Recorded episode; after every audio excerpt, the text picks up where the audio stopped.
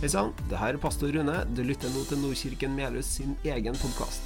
Vi har akkurat bytta navn fra MU Melhus til Nordkirken Melhus. Vi er fortsatt samme menighet, samme fellesskap, men med ny profil.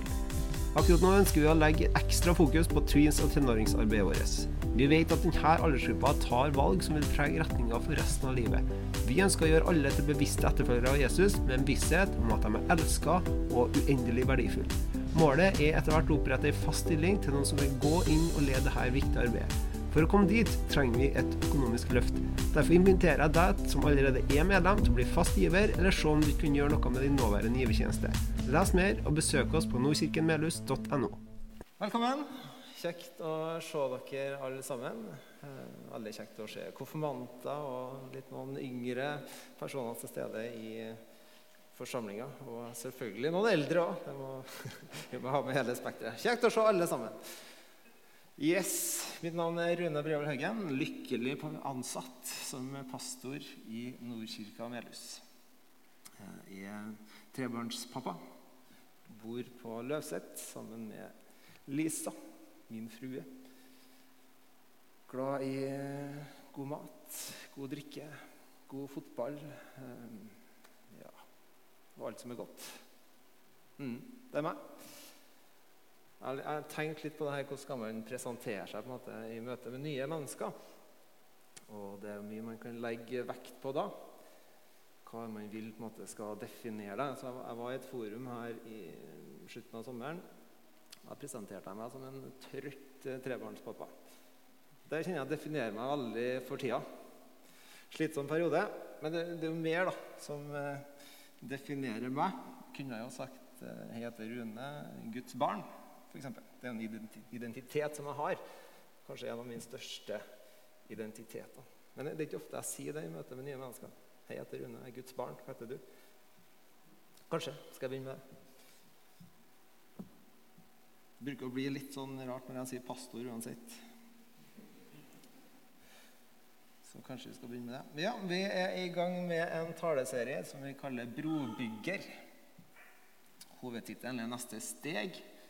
Taleserie Brobygger. Og fokuset det vil være å se litt på hvordan bygge bro til mennesker som ikke tror. Hvorfor det, tenker du? Vi har det jo så kjekt her i fellesskapet. Hvorfor skal vi få inn flere? Men tenk, tenk litt på det, da. Hvis du, hvis du, kjenner at du er en del av fellesskapet, hvis du identifiserer deg som en kristen f.eks. Mest sannsynlig så er det noen personer som har leda deg til tro. Det leda deg til Jesus, det leda deg inn i et fellesskap, inn i en tilhørighet, inn i en menighet. Kanskje har du en god venn eller nabo som har invitert deg med inn i et småfellesskap eller til gudstjeneste. Kanskje har du en mamma og pappa som var veldig tydelig på at vi skal til gudstjeneste, eller vi skal til kor, eller vi skal på leir uansett. Koste hva det koste vil. Så har du fått lov til å gjennom det lov til å bli kjent med Jesus over tid. Kanskje har du lagt merke til de kristne litt på avstand, at her er det noe. De har noe som jeg ikke har. Lyset, som Marte snakka om. Her er det noe spesielt. Kanskje har du fått et sånt momentant møte med Jesus som snudde om på livet ditt. Som fikk deg til å gå i en ny retning med han. Fellesnevneren er kanskje at noen har invitert deg eller vært der og leda deg til Jesus på en eller annen måte. Og Det sier noe om viktigheten da, av rollen som vi har som mennesker, som medmennesker. Gud han er ikke avhengig av oss for å fremme sitt rike. Når han bruker oss, så tenker jeg for et privilegium det er da, å bli brukt til å fremme det største og flotteste vi har. Vi er bærere av Guds rike. Så vi skal fortsette å snakke om det å bygge bro til mennesker som ikke tror. I dag blir det ikke en bibeltime. Vi skal ikke dykke dypt inn i bibeltekster. Men vi skal se litt på hvorfor, hvorfor bygge bro.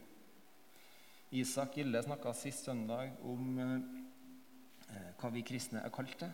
Og så brukte han litt eksempler på eh, godhet og godhetsaksjoner. På hvordan, det, hvordan kan vi vise eh, mennesker hvem Gud er gjennom godhet. Og I dag skal vi kverne også litt videre på godhet. Holde oss rundt det, men kanskje mest på hvorfor. da. Så kommer Kjellaug Andresen neste gudstjeneste og skal gi oss litt sånn praktiske eh, ja, Gå litt mer inn i ulike praksiser da, og muligheter som vi har i, på det personlige planet, og eh, hvordan godhet kan se ut i hverdagen, f.eks. Jeg har lyst til å starte med et spørsmål, eller flere spørsmål. Har du noen gang følt deg malplassert i et kristent fellesskap? Kanskje kjent litt på at her eh, hører ikke jeg hjemme. Her eh, De menneskene rundt meg er ikke sånn som meg.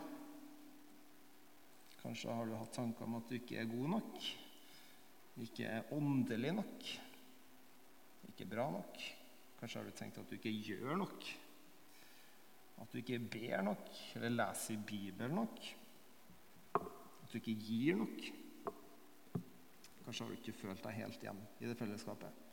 Hvis du kjenner på det, eller har kjent på det, så vil jeg at du skal følge med litt eh, ekstra i dag.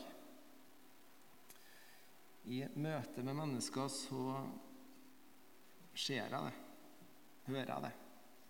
Det er ikke like enkelt å komme og føle seg som en del av fellesskapet. Eller føle seg hjemme. At man kanskje føler seg litt annerledes.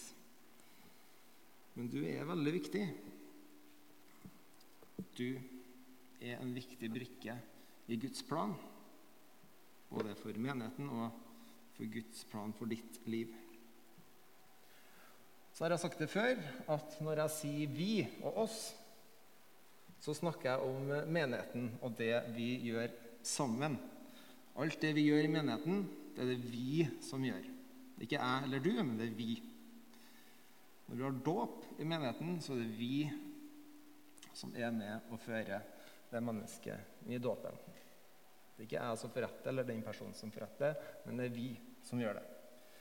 Når vi sender ut familien Skogesal til Senegal, så er det ikke dem og oss, men det er vi som forkynner Guds ord i Senegal. Når mennesker ledes til tro i menigheten her, så er det vi som er med og leder mennesker til tro. Uavhengig om det er enkeltpersoner som har, har hatt litt mer direkte eller synlige roller da, i prosessen. Alle har vi en finger med i spillet. Og det er egentlig et fint, kan være et fint bilde i denne sammenhengen her. En finger med i spillet. For hva er det Bibelen sier om oss, menigheten? Jo, vi blir sammenligna med en kropp. En funksjonell kropp. Eller en, at vi er kroppen, menigheten, de kristne er kroppen, mens enkeltpersonene er lemmene, eller kroppsdelene, på den kroppen. Hver enkelt person er en kroppsdel. Før var det Jesus som var den fysiske kroppen her på jorda, som gikk rundt. Nå er det vi som har fått den oppgaven. Nå er det vi kristne som er den fysiske kroppen. Jesus han har fortsatt hodet som peker i retning, men det er vi som er kroppen. Og Det syns jeg er et fint bilde, fordi at kroppsdelene er jo så ulike. Har helt forskjellige funksjoner. Eh, men helt avhengig av hverandre for å fungere. Faren er jo hvis man melder seg ut og tenker at her er det ingen plass for meg. Jeg er han, men jeg ser ingen andre hender her. Det er bare ører og øyne, billedlig sett. Her hører ikke jeg hjemme. En studie som ble gjort på, nylig gjort på kristne i USA, eller Kristi kropp i USA, sa oss at 80% visste ikke hvordan kroppsdel man var på denne kroppen. 80% visste ikke hvilken rolle eller hva man kan tilføre, eller hva som på en måte er min oppgave i et fellesskap vi er for noe. Så tenker jeg, hvordan skal man komme seg framover da? Og så, kanskje er det sånn her òg. At man ikke vet hva man er.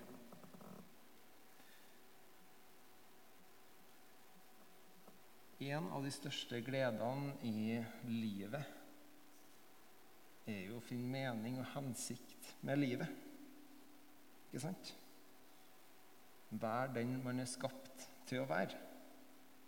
Det tenker jeg at det er den største tilfredsstillelsen. Og Hvorfor snakker jeg om det her når vi snakker om brobygging? Jo, fordi jeg tenker at eh, når vi bygger bru når vi begynner å, Jeg tror at vi bygger bro når vi begynner å samarbeide. Når vi begynner å fungere sammen. Når vi finner vår plass. Når vi begynner å se at det å bygge menighet, det å bygge kirke, det å bygge Guds rike ikke handler om meg eller deg, men det handler om oss og Han som leder. Når vi begynner å se at alle sammen har en viktig, og er viktig, i på kroppen. Øyet kan ikke si til handa at eh, 'jeg har ikke bruk for det'. Sånt. Totalt forskjellige funksjoner, men uten øyet så vil det bli vanskelig å komme seg framover. Uten handa så er det vanskelig å gripe, selv om øyet fungerer bra. Du er viktig og nødvendig. Og Så til spørsmålet hvorfor skal vi nå ut til mennesker? Et svar finner vi i Matteus 28, det siste Jesus sier til sine disipler før han reiser til himmelen. Det kan vi lese i misjonsbefalinga. Der står det at Matteus 28. Da trådte Jesus fram og talte til dem. Jeg har fått all makt i himmelen og på jorda. Gå derfor ut og gjør alle folkeslag til disipler. Vi har fått befaling om det. Gå ut og gjør alle folkeslag til disipler. Så står det døp dem til Faderens og Sønnens og Den hellige ånds navn, og lær dem å holde alt jeg befalt dere. Og se, jeg er med dere alle dager inntil verdens ende. Det er jo kanskje et eh, greit nok svar, det, men jeg tror at det ligger noe dypere her. da. Det ligger noe mer bak. Vi mennesker, vi er skapt til relasjon. Skapt til relasjon med Gud. Ikke bare når vi går her på jorda, men vi er skapt til en evig, en evigvarende, kjærlig relasjon. Og vi må hjelpe mennesker å finne, finne svaret på den lengselen som man går og har. nå.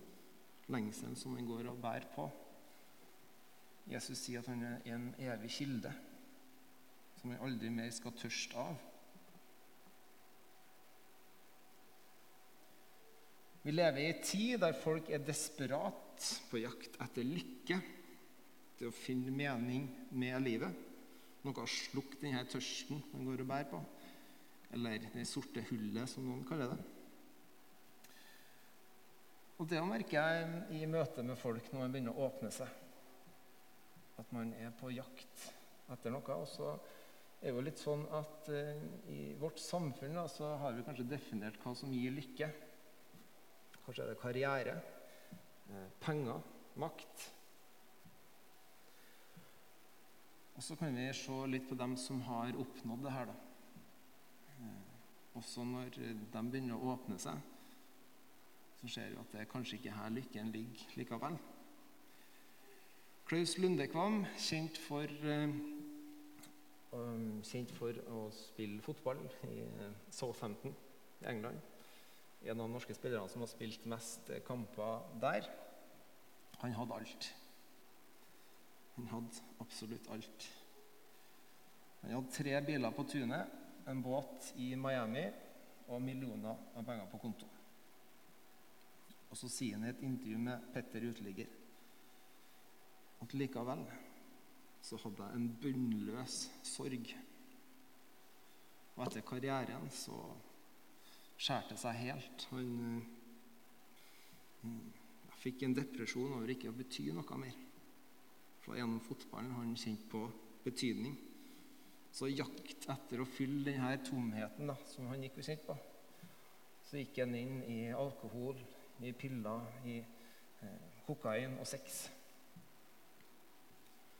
Han sa at på det verste så drakk han to liter eh, brennevin og tok 5,10 gram kokain om dagen. Jeg antar at det er veldig mye. Eh, men si at det var ikke her lykken lå. Han er på en annen retning nå, heldigvis. Og Så så jeg akkurat en episode eh, på tur med Lars Monsen. Jeg tror det heter det. Herman Flesvig var med der. Og så er det et veldig fint eh, TV-øyeblikk der de sitter foran bålet og snakker litt sammen. og Så åpner de seg, og så begynner de å snakke litt om tro og, og sånn. Og Herman eh, noe han å si at eh, materialisme det er på en måte Han jaga etter lykke der. Det å på en måte få en ny bil det er på en måte da, da skal alt ordne seg. sant? Men så har han oppdaga at nei, det er ikke der lykken ligger. Og Han konkluderer med at det er i relasjon, relasjoner at lykken til han ligger. da. Og da er vi inne på noe viktig, noe grunnleggende. Relasjoner. Relasjon med Gud, relasjon med Jesus, det tenker jeg er grunnleggende for at vi skal gå ut og fortelle om Jesus. Det er så utrolig viktig for oss. Menneskelige relasjoner. Man kan leve for det. Fotball, sport Ja, idoler. Det er mye man kan leve for, men det er jo ikke 100% sikkert. Det vil jo aldri stå fast. Derfor er jeg så glad og privilegert over å få lov til å tro og sette mitt håp på noe som står fast som alltid vil stå fast i, også inn i evigheten. Det ut fra relasjonen med Gud at vi går ut og sprer gode nyheter. Ikke fordi vi er plikta til det. Ikke fordi at eh, vi må opp på en viss standard. Ikke fordi at vi må være gode nok, eller bli gode nok. Det er lett å tenke at man må være åndelig, så så åndelig for å gå ut og fortelle om Jesus. Men det som er fint, da, er at evangeliet er jo nettopp gitt til deg som ikke får det til. Som ikke er perfekt. Gud opererer ikke med fraser som 'god nok' eller 'perfekt'. Vi lever i et prestasjonssamfunn. Og eh, jeg er veldig glad for at vi lever i Norge, egentlig, som eh, ja, på mange måter eh, Som eh, ser litt at effekten av det her, å prestere over lang tid, det er jo egentlig ikke så bra. Det gjør noe med oss. Vi skal prestere på alle plan for å bli perfekt. Eh, så gjennom litt forskjellige pedagogiske tilnærminger så får jeg nå høre at vi er perfekte. Popsangene til barna våre sier at du er perfekt. Du skal få slippe opp å jage etter perfeksjonistene, for du er perfekt. Og det er jo fint. tenker jeg, Det er fint ment, men stemmer det?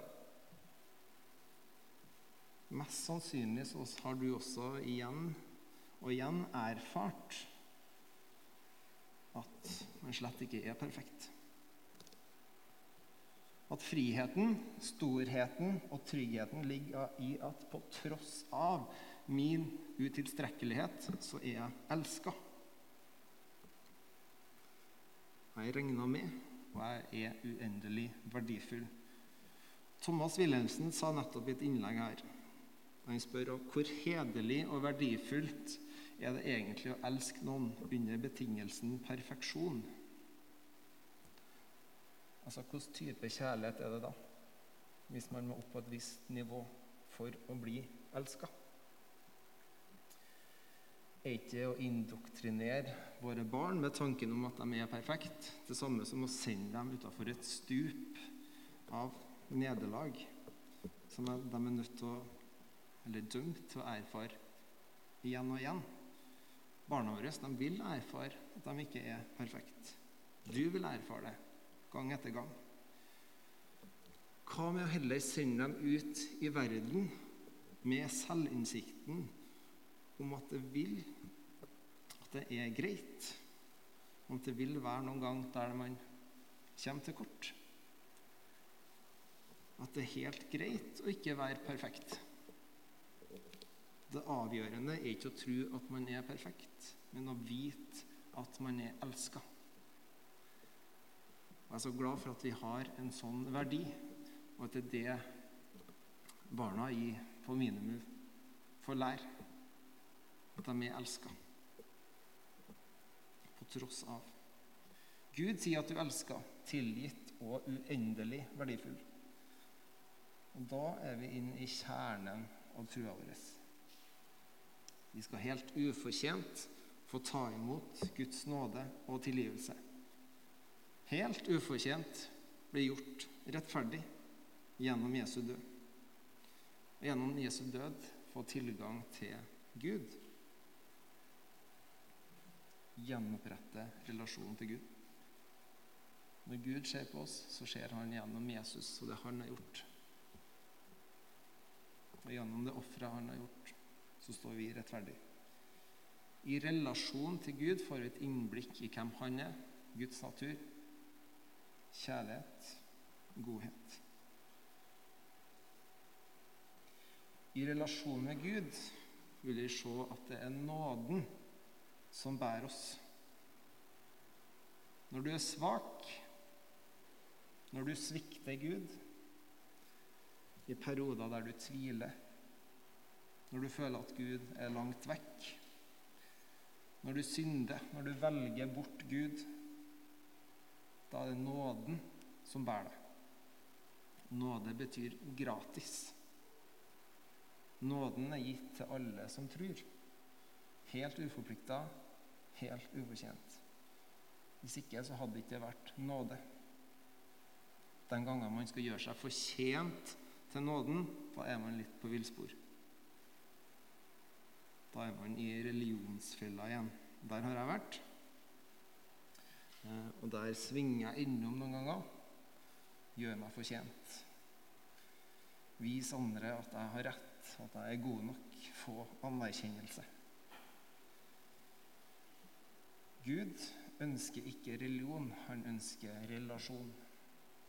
Ut fra relasjon kommer ønsket, gleden, lysten og behovet til å spre de gode nyhetene. Tjen andre uten å forvente noe tilbake. Ut ifra relasjon.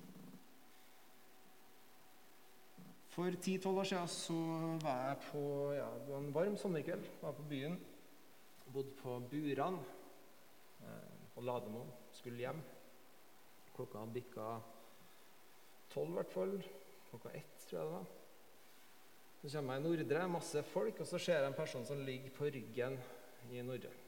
Så ser jeg at det står noen folk rundt. Men det ser ikke ut som de hjelper ham nødvendigvis. Det ser mer ut som de står og kikker på han. Så jeg blir litt sånn, tenker jeg at her eh, her har jeg en mulighet til å kanskje gjøre noe, hjelpe til. Så jeg går inn og på en måte spør hvem er noen som vet hvem han her er for noen. Så ingen som kan gi meg noe svar på det. Og jeg ser jo at han er ganske full, da, han som ligger der.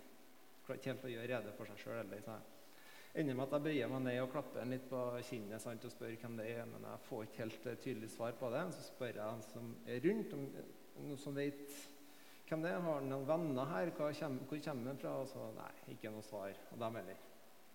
Eh, Så prøver jeg å spørre han liksom, kjenner du noen her, hvor bor du hen? Og så, og så klarer han på en måte å si at han bor på Buran. da.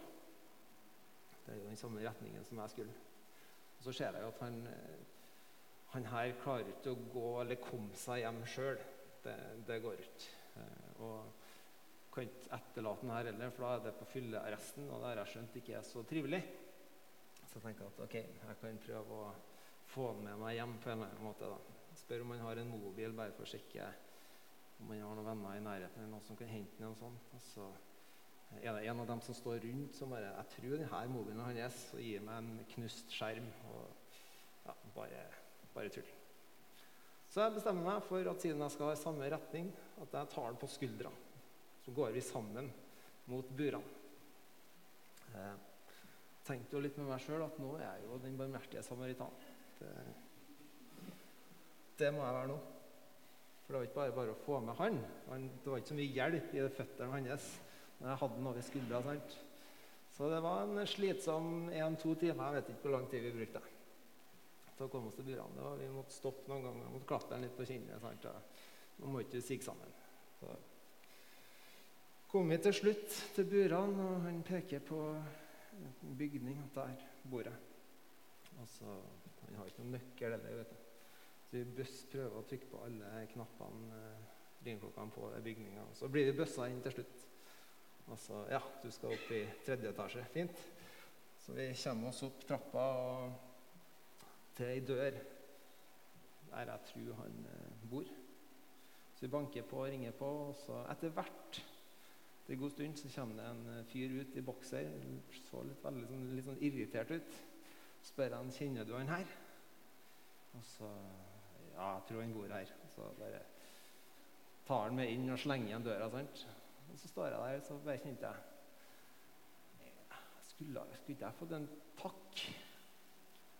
Skulle, skulle, jeg gitt fra meg mobilnummeret mitt, sånn at jeg kan bli oppringt i morgen? liksom, og på en måte Få den takka som jeg fortjener? For det her eh, ja, Jeg syns jeg har fortjent litt mer. da. Litt mer anerkjennelse for den jobben her. Eh, men greit. Jeg gikk hjem. Følte meg litt snurt. Sto opp dagen etter og så kjente hun hadde behov for å skulle få litt sånn belønning for det her. Så jeg treffer kompisene mine og spør litt hvordan de har hatt det kvelden før. Bare helst for å få spørsmålet tilbake. Liksom, hva gjorde du? Jeg får ikke det, så jeg bare bryter inn og sier at 'gjett hva jeg gjorde i går'. da. Og så forklarer jeg historien, og så eh, får jeg bare sånn Ja, så bra. Kult for deg. på en måte. Ikke noe mer enn det. Det er jo helt, helt feil fokus vi sier, vet du. Helt feil.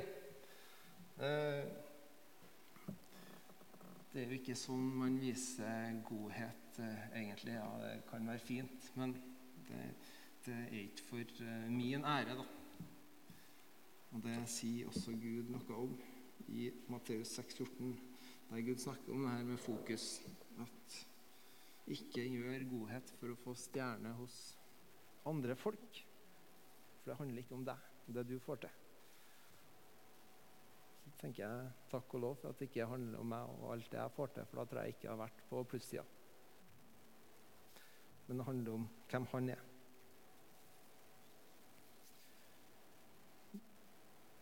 For å konkludere godhet, det er Guds natur. Det er en lengsel blant folk. Alle som har Jesus i hjertet, har, er bærere av denne godheten. Det er mange måter å lede mennesker til Jesus fordi vi er forskjellige, vi er utrusta forskjellig. Men godhet det er en sånn fellesnevner da, som alle sammen har og er bærere av. Det er ikke noe som vil gå tomt. Stiv Sjøgren starta en menighet i Cincinnati, jeg vet ikke om jeg uttaler det rett. Cincinnati i Ohio, eh, Ohio USA. Um, menighetens motto var 'Små ting gjort med stor kjærlighet vil forandre verden'. De ble kjent for å gå ut og gjøre litt sånn, ja, sånn tilfeldige godhetshandlinger. Ved å be for tilfeldige. Eh, skrive sånn 'takk for' Takk for servicen når du har vært på en kafé eller får du en sånn regning. Sant? Gi litt ekstra driks, tips. Triks. Ja. Eh, og så det å begynne å smile og hilse på folk. Det er jo et eh, de skulle begynne med. Og ved å vise Guds kjærlighet i praksis så oppdaga de effekten da, av godhet. De sjøl ble forandra, og mennesker rundt ble forvandla. De så at uventa, uforventa godhet er den mest kraftige, eh, det som koster minst og mest undervurderte måten å forandre andre mennesker på. Når godhet får plass, så oppstår det sunne relasjoner. Fellesskapet knyttes og får næring. Mennesker blir inspirert til å gi godhet videre. menigheten vokser. Voks. Det ble fort 7000 eh, som besøkte denne i løpet av uka. Det er ikke sikkert vi ser, vil se de samme dimensjonene her på Melhus, men vår visjon da, er at vi skal tjene mennesker rundt oss med Guds kjærlighet. Tenk deg hvilken effekt det vil ha hvis vi virkelig begynner å vise mennesker rundt oss Guds kjærlighet, Guds godhet. Hvilken effekt vil det ha på menigheten, på familien, på nabolaget? Vi elsker fordi han elsker oss først. Vi elsker fordi han elsker oss først. Det er relasjon først. Gå ut etterpå. Lovsangstime kan eh, begynne å gjøre seg klar. Kjære Jesus, takk for at uh, det ikke handler om meg og oss, men at det handler om deg. Jeg ber om at du må vise oss eh, som menighet hvordan vi kan eh, gi av deg videre med dem du har skapt oss til å være. Takker deg for, eh, takker deg for nåden, at den er, er, gratis. At vi bare skal få lov til å, å ta imot. Jeg ber om at du må La oss få gå oppmuntra herfra i, i, dag, Jesus, med en visshet om hvem, hvem, vi er. At vi er dine barn. Hjelp oss å se dem som, som trenger deg, Jesus.